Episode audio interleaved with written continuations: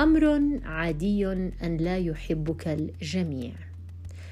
فالقلوب ما بين أصابع الرحمن يقلبها كما يشاء. هناك أرواح متشابهة فتأتلف وهناك أرواح متنافرة فتختلف. فلذلك أن لا يحبك عبد ما هو أمر طبيعي جدا. ليس بالضرورة أن تسعى إلى رضا جميع الناس. فرضا الناس غاية لا تدرك. من أراد أن يرضي جميع الناس لابد أن يعلم بأنه سيفقد حياته من أجل الآخرين. أنت مركز حياتك.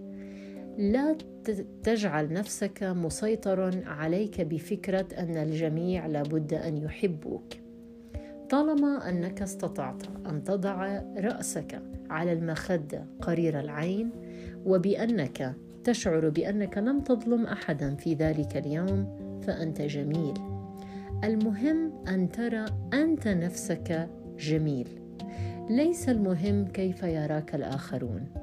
كثير منا يرونه الآخرين قمة الجمال ولكنه يرى نفسه أقبح الناس. لأنه لديه مشكلة عميقة بثقته بنفسه.